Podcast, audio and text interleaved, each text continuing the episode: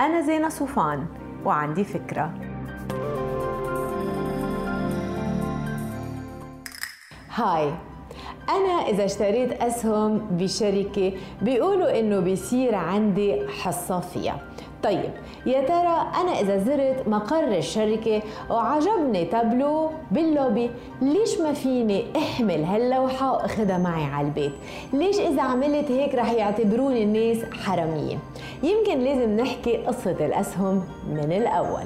رامي وغادة وداني جمعوا شوية مدخرات عندهم وأسسوا شركة صغيرة مثل كل الستارت أبس يلي بنسمع عنها هاي الأيام.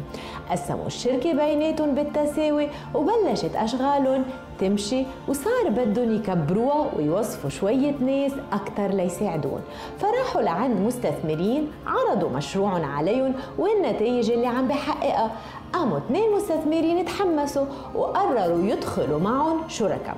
اللي صار هو إنه زادوا الشباب عدد أسهم الشركة وباعوا الأسهم الجديدة للمستثمرين الجدد. وبالطبع هيدا نتج عنه إنه حصصهم هن كمؤسسين صغرت لأنه بطلوا الملاك الوحيدين لحد هون نحن عم نحكي عن شركة خاصة ملاكها محدودين فيهم يبيعوا ويشتروا الأسهم يلي حاملينها بيناتهم أو حتى مع كم مستثمر جدد دخلوا على الخط.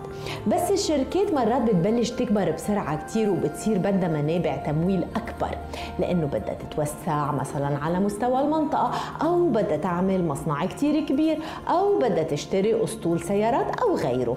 هون بيقرروا الشركاء إنهم يحولوا الشركة من خاصة إلى عامة عبر طرح اسهمها بسعر معين بالبورصة. وبالتالي بيكونوا وصلوها لمنصة هي بمثابة بحر من السيولة.